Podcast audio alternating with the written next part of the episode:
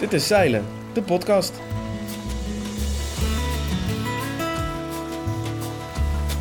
Leuk dat je luistert naar deze nieuwe aflevering. Ik ben Joris en vandaag is het weer tijd voor inspirerende zelfverhalen. Het thema deze maand is van eigen bodem. Vandaag ga ik in gesprek met Maarten Bakker, die zijn eigen katamaran heeft gebouwd. We zitten tegenwoordig alles zo ontzettend in ons hoofd. Overal, altijd. Alles is beleid, alles zijn rapporten.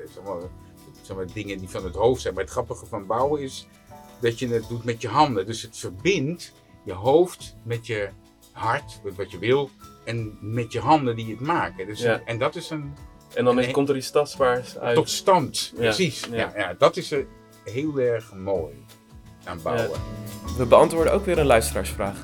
Deze maand gaat hij over aluminiumboten. En Dick Koopmans vertelt ook dat er de laatste jaren wordt gekeken naar het aan elkaar lijmen van aluminium.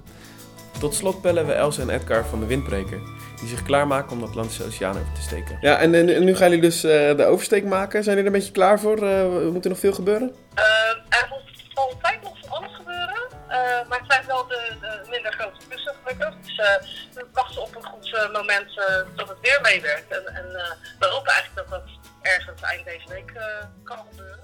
Maar nu eerst Maarten Bakker. We staan op de werf van Simon Rebergen in Amsterdam-Noord. En we zijn op bezoek bij Maarten Bakker, bij zijn katamaran. we gaan vandaag met hem hebben over de katamaran die hij heeft gebouwd. Maar dat is niet deze. Dat was zijn vorige boot.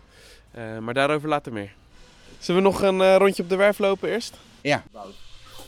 Dit is een, um, een katamaran uit de jaren uh, 80. Ook een open brugdek. Uh, een watvogel. ontwerp van Jan Bart de Jong. In de tijd was dat... die massen verder achter. Ja, dat is bij alle kat dat de mast relatief ver naar achteren ja. staat. En ja, maar tegenwoordig er... iets minder, toch? Of niet? Uh, nee hoor, wat je wil. Steeds, het, je ja. kan doen wat je wil. Het, het kan allebei. Maar een katamaran heeft een andere... Gedraagt zich in het water anders dan een monohul. Is niet loefgierig. Bij een monohul, als je de mast te ver naar achteren doet, wordt die loefgierig. Moet je ontzettend trekken aan het roer. Ja. Bij een katamaran uh, blijft die, waar je het zeil ook zet, eigenlijk relatief neutraal. Dus het, en er komt die twee lange slanke rompen. En de voortstuwende kracht en het overbrengen van de voortstuwende kracht op die rompen kan beter als die, dat zeilpunt meer naar achter staat. Anders zou die bij wijze van spreken met de neus. Die Ja, voortstuwende dus dat kracht is zo ja. groot. En, en, eh, Dat eh, veel groter dan bij een monohul, dus hij drukt hem veel meer in het water. Ik denk dat dat de belangrijkste Ja. reden is. Maar goed, het is tegenwoordig staat hij meer zo ongeveer op deze plek. En dat is eigenlijk min of meer. We zijn nu naar binnen gegaan. Eh, we zitten lekker aan boord van eh, de katamaran van Maarten Bakker. Het kacheltje brandt. Eh, Maarten, jij eh, hebt je vorige boot zelf gebouwd. En eh, de, de boot waar we nu op zitten is een werfgebouwde boot. En dat is ook een prachtige boot. Eh, waarom zou je zelf een boot bouwen? Ja, er zijn, eh, ik heb erover nagedacht, uiteraard. Ehm, en er zijn verschillende redenen waarom je een eh, boot zelf kan bouwen. Uiteraard omdat het eh, goedkoper is. En, als je iets wil en je laat het bouwen, een one-off, dan, dan kost het bij wijze van spreken 2 ton. Leuke boot van 9 meter. Als je hem zelf bouwt, dan, eh, dan eh, scheelt dat de helft. Dus voor rond de 100.000 euro kun je zo'n schip zelf bouwen.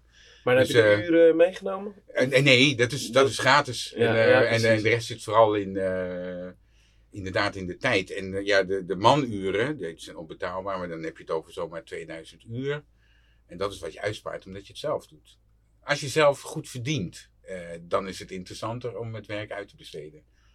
Eh, dus dat, daar zit wel een soort van eh, afweging. Ja. Een andere reden om zelf te bouwen is omdat je iets wil wat nog niet bestaat, dat nog niet op de markt is. Ehm, en dat, is, ehm, dat is tegenwoordig eh, misschien niet zo'n probleem, maar toen ik die boot 30 jaar geleden bouwde, was er erg weinig aanbod op de markt. Eh, er waren wel ontwerpers, eh, er waren geen werven die dat soort scheepjes bouwden. De vraag was gewoon te klein. En eh seriebouw, daar kun je op besparen. Maar als je het hebt over bouwen in kleine aantallen, dan bouw je eigenlijk one-offs. En die zijn altijd eigenlijk heel erg kostbaar. Dus, dus financiën is een belangrijke reden. Maar de tweede reden is dus dat je iets wil wat er nog niet is. En Ja, want jij bouwde een katamaran eh, van 9 meter. Eh, wat was daar nieuw aan en wat, wat was er niet op de markt op die manier? ja, wat, de, mm, wat ik wilde was een lichte, snelle, openbrugde kat met uh, ruime accommodatie in de rompen, staarhoogte. Voldoende kooien, vier stuks, een, een kombuis, een kaartentafel. En dat was op dat moment eigenlijk op de markt niet te vinden. Uh, of het was te duur en te groot, of het was te klein. Ja, dus dat heb ik uiteindelijk maar zelf bedacht en zelf geconstrueerd en zelf ontwikkeld. En ik had gewoon iets voor ogen en dat wilde ik doen. Je zei, waarom bouw je nou een boot zelf? Ja. Wat erbij hoort is, uh, je doet het ook omdat je het heel erg leuk vindt. Dus er is, het gaat om kosten. Het gaat om dat je iets wil wat er nog niet is. En het gaat om dat uh, iets zelf bouwen ook heel erg veel voldoening geeft. En je heel veel plezier. Ja. En in het bouwproces, als je het uh, proces eenmaal beheerst en het, je doet het veel, dan raak je ook in een soort van flow. Het, je bent voortdurend bezig met ontdekken, leren, uitproberen, nieuwe dingen doen.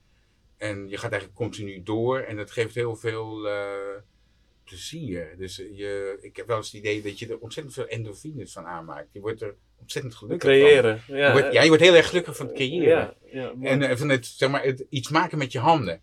De, we zitten tegenwoordig altijd zo ontzettend in ons hoofd. Overal, altijd. Alles is beleid, alles zijn rapporten. Zeg maar, zeg maar, dingen die van het hoofd zijn. Maar het grappige van bouwen is dat je het doet met je handen. Dus het verbindt je hoofd met je hart, met wat je wil.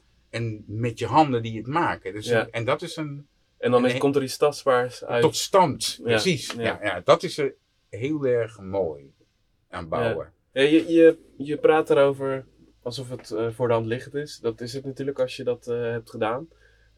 Ik, vroeg me, ik vroeg me heel erg af of je daarvoor al ervaring had met, eh, met boten bouwen. Of, want als je dat vanuit niks do- doet, als je geen Mhm. Ja. ervaring hebt, dan is dat allemaal nieuw. En dan ben je dus ja. tijdens de bouw aan het leren. Maar hoe, eh, hoe was dat bij jou? Vind ik wel een, een goede vraag. Zelfbouw doe je nooit van, eh, eh, vanaf het begin, eh, zeg maar als eerste project. Dat is onmogelijk. Je, je hebt de basisvaardigheden nodig. Dus je moet een beetje handig zijn, je moet kunnen klussen. Het liefst al een keer een bootje gebouwd hebben. Eh, ik had daarvoor een eh, klein kajuitzeiljachtje, een kolibrie. Een, eh, leuk bekend uit die tijd. Dat bootje heb ik helemaal opgeknapt. Het was een houten scheepje, dus dat vergde erg veel onderhoud, achterstallig onderhoud. En tamelijk fundamenteel ook. Dus een nieuwe dekken, een nieuw roer, van alles aan de kuip. Het hele verfsysteem aan de buitenkant. En van zo'n klus, daar leer Ja. je veel. Ja, Dat- ja, je, je ontdekt de sterkte van materiaal. eh, je ontdekt eh, eh, wat je allemaal kunt met epoxy en met glasvezel. Een fantastisch materiaal. Epoxy is veel sterker dan polyester. Je kunt er fantastisch mee construeren. En als je dat eenmaal hebt gedaan, dan snap je het spel. Want wat, wat ik zo leuk vind aan werk met epoxy en glas en hout, is dat je dingen construeert met een bepaalde sterkte, met een bepaalde functionaliteit. En als je ermee klaar bent, dan is het eh, af en is het mooi om naar te kijken. Dus het, Ja. En als je dat spel van iets creëren, eh, wat ook precies doet wat je voor ogen hebt, eenmaal hebt eh, ontdekt, dan wordt het leuk. Nou, op die manier ben ik eh eraan begonnen. Dat was de, ja. de basis die ik al had opgebouwd. zeg Ja, precies. Dus je, je- dat, dat raad je anderen aan van als je zoiets in je hoofd. Begin eh, eerst eens met een klein bootje. Ja. Eigenlijk, zeg maar, een klein bootje en opknappen, dat is de beste manier van leren hoe je met, eh, met dit soort Ja. materiaal om moet gaan. Ja, Je kunt ook denken, bouw eerst eens een, een bijboot, dat soort dingen. ja, een klein project. Een klein project, ja. En Maarten, hoe lang heb je er in totaal over gedaan en, en waar haal je die tijd vandaan? Het bouwen van die boot van eh 9 meter, dat kostte me in totaal 2000 uur. Eh, en dat is realistisch. Veel sneller kan het niet. En als je dat moet doen naast je werk, dan ben je wel twee jaar elk weekend en een dag of drie avonden aan het werken. Dat is best wel een, een flinke dobber. Ik had het geluk dat ik tussendoor ook een moment eh, mijn baan kwijtraakte. En tussen de, de, de- het ontslag en de volgende baan er zat een paar maanden tussen en toen kon ik eh, fulltime werken. Zeven dagen in de week, 24 uur per dag, zeg ik een beetje. Dat is een beetje onzin. Maar Ja. s'nachts dan werkt het brein ook. Dan denk je aan oplossingen. Ja, heel raar, maar het, het- absoluut een periode waarin ik weliswaar eh, tot het uiterste ging. En tegelijkertijd ongelooflijk blij was met wat ik deed. En uiteindelijk leidde dat tot een succesvol eindresultaat Ja, is niet altijd gegarandeerd. Ja. Maar het was het geval. En dat maakte me ontzettend gelukkig. Een vriend van mij had een kind gekregen. Die kwam met een Maxi Cosi aan op de werf, twee weken later. Daar lag mijn boot te glanzen in de zon. Maar daar lag die Maxi Cosi met dat prachtige kindje van twee weken oud. En ik keek naar dat kindje en toen ontdekte ik het verschil tussen wat ik gecreëerd had en dat unieke schepsel wat daar in die Maxi Cosi lag. Dat was zo interessant. Die boot is materie en die mens geest. Het is zo fascinerend. Het, is, er zit zoveel meer liefde zeg maar, in de uniciteit van zo'n klein wezentje dan in die boot. En toch was het vergelijkbaar. Maar dan komt het moment dat je gaat varen. Nou, de eerste tochtjes op weg naar het noorden zijn ontzettend spannend. Dus daarom helemaal niet zo leuk. Je moet alles uitproberen. Klopt het wel wat je gedacht had? Maar als je eenmaal vertrouwen hebt, het duurt een week of twee. En je vaart bij Cornwall de sluis uit. En uh, je vaart door de Geulen en dan over de Platen naar Vlieland. En het schip gaat snel. Je valt ergens droog onder uh, het vuurduin. En je ligt op het wat en de volgende dag uh, neem je een duik in het water. Ja, dat was wel een fantastische ervaring. Ja. En dat wil je dan alleen nog maar heel veel meer. En grappig, ik heb er 25 jaar mee gevaren. Altijd met een enorm plezier. Ja. ja. Ja, en toch, na al die tijd uh, heb, je een, uh, een andere, heb je hem verkocht en een, ja. uh, een andere boot gekocht waar we nu op zitten. Wat, wat is dit voor boot? Dit is ook een katamaran. Hij is iets langer, hij is 9,30 meter bij 6 meter, breder. Met een uh, brugdekkajuit. en dat heeft ontzettend veel voordelen. Het heeft veel meer leefruimte. Ik vergelijk deze boot met de oude boot. Um, en dan kun je zeggen, er zit eigenlijk drie keer zoveel leefruimte op. En dat is de voornaamste reden waarom we overstapten. Ik wilde graag mijn oude boot natuurlijk nog eens onder handen nemen. Dan kajuit opbouwen. Maar mijn vrouw zei, uh, dat gaan we niet doen. En daar had ze haar redenen voor. Bouwen is best wel zwaar. En het vergt ook veel. Dus ja, als ik weer een jaar zou bouwen, dat zag ze niet zitten. Dus ze zei, we ja. kopen een andere boot. En dat vond ik heel erg moeilijk, maar ze kwam deze tegen op een uh, Engelse, bij een Engelse makelaar. En toen ik de boot zag en we bekeken het schip en ik stond erop, toen was ik eigenlijk toch wel meteen verkocht. En dat komt, ja. dat merk je ook nu hier, het heeft zoveel ruimte. En je kunt bovenop zitten, je kijkt naar buiten en het is heerlijk om naar buiten ja. te kijken. En op die open brugdekkat zaten we toch al vaak met slechte inrompjes. En dat is toch een heel ander verhaal. Ja, maar toen, zo terugkijken, ja. 30 jaar later, je hebt een boot gebouwd, je hebt een tweedehands boot gekocht en die opgeknapt. Als je, als je één gouden tip hebt voor, uh, voor zelfbouwers, wat zou die dan zijn? Ik zou zeggen, doen. Dat is de belangrijkste tip. Ik ken mensen van uh, 78 die nog begonnen zijn uh, aan bouwen. Wow. En dan klaar waren, waren ze 81. Die zeggen dan als ze in het graf liggen, ik heb het toch gedaan. Dus, dus daar, het levert ook dan nog heel veel plezier op. Tegelijkertijd zou ik zeggen, als je zelf gaat bouwen, oriënteer je goed en denk heel goed na over hoe je tijd kunt besparen. Slim inkopen, voorgesneden plaatmateriaal, CNC gevreesd. Maak het voor jezelf gemakkelijk. Het kan tegenwoordig gemakkelijk als je dingen goed over nadenkt en als je dingen goed voorbereidt en uh, inkoopt waar nodig. Dan kun je tijd besparen. Tijd besparen is denk ik al echt de allerbelangrijkste Ja. tip. Ja. Ja. Anders is het te zwaar. En dat andere blijft staan. Als je het idee hebt en je wil het graag, hou jezelf niet tegen. Doe het. Doe het. Oké. Ja. Ja. Hey, eh, Maarten, dankjewel. Ja. Mag ik wat vragen? Ik ben zo benieuwd. hey, waarom is dat eigenlijk zo? En nu, de luisteraarsvraag van de maand. Iedere maand beantwoorden we een luisteraarsvraag. Dit keer gaat het over de bouw van aluminiumboten. Zeilenredacteur Geert zocht het uit. Geert, in de jaren 70 werden al aluminiumboten gebouwd. In hoeverre verschilt de bouw van die boten nu met die van 50 jaar geleden? Ik heb contact opgenomen met Dick Koopmans. En eh, Dick die is jachtontwerper bij Koopmans Jachtontwerpers. En ze hebben al ruim 50 jaar ervaring in het ontwerpen van zeiljachten voor lange zeereizen en ook voor wedstrijden. Ja, en zij maken hun boten van aluminium. En eh, Dick die vertelt dat er in de afgelopen 50 jaar eigenlijk niet zo heel veel is veranderd. Maar toch zijn er een aantal verschillen tussen nu en vroeger. Zo waren aluminiumbouwers vroeger zo'n zes weken aan het hameren om een nette vorm in een romp te slaan. En nu werken botenbouwers veel meer met moderne technieken. Zo kunnen platen gemakkelijk en snel gesneden worden met behulp van laserstralen. en kan de romp secuur gevormd en gemonteerd worden. En lasmethodes zijn ook ontwikkeld in de laatste jaren. Zo hoeft een lasapparaat niet meer de hoge temperaturen te bereiken die vroeger nodig waren. Uh, moderne lasapparaten zijn veel beter in te stellen nu en kunnen ook veel preciezer lassen dan vroeger. En Dick Koopmans vertelt ook dat er de laatste jaren wordt gekeken naar het aan elkaar lijmen van aluminium. Dit gebeurt al regelmatig bij polyester en het komt ook al voor in de vliegtuigenbouw, maar in de scheepsbouw gebeurt het nog weinig. En als het dan gebeurt, wordt er vaak voor de zekerheid nog een extra lasje of een schroefje aan toegevoegd.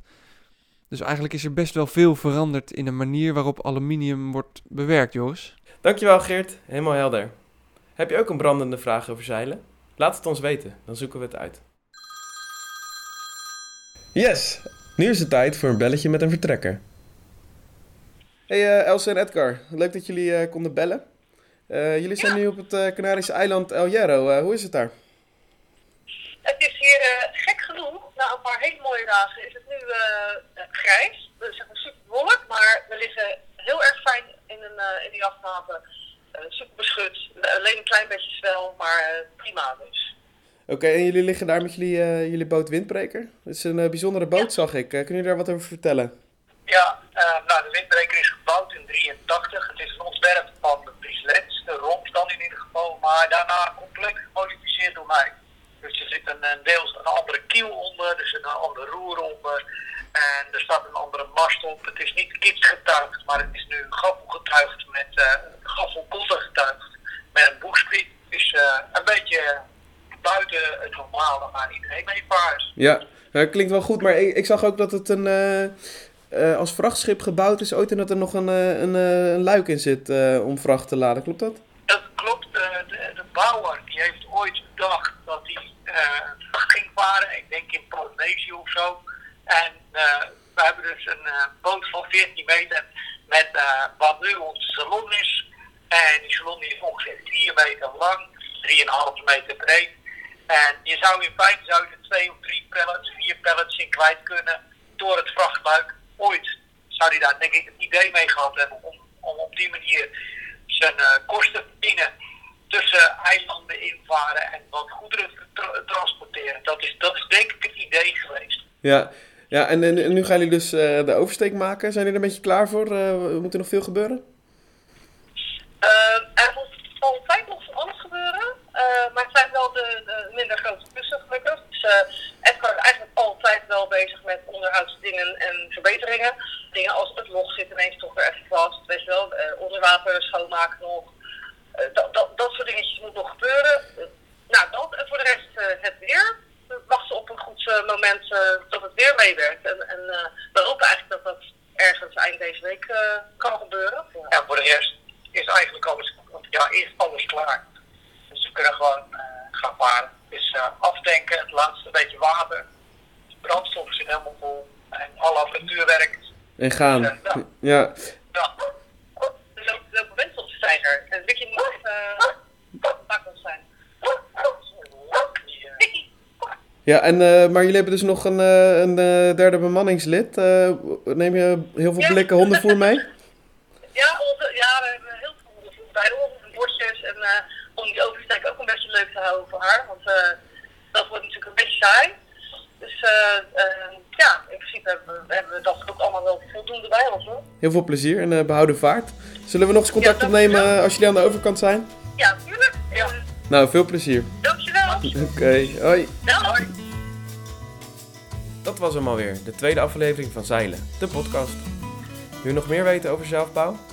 Maarten gaf onlangs een webinar over het zelfbouwen van een bijboot. Je kan die webinar terugluisteren op zeilen.nl slash bijboot.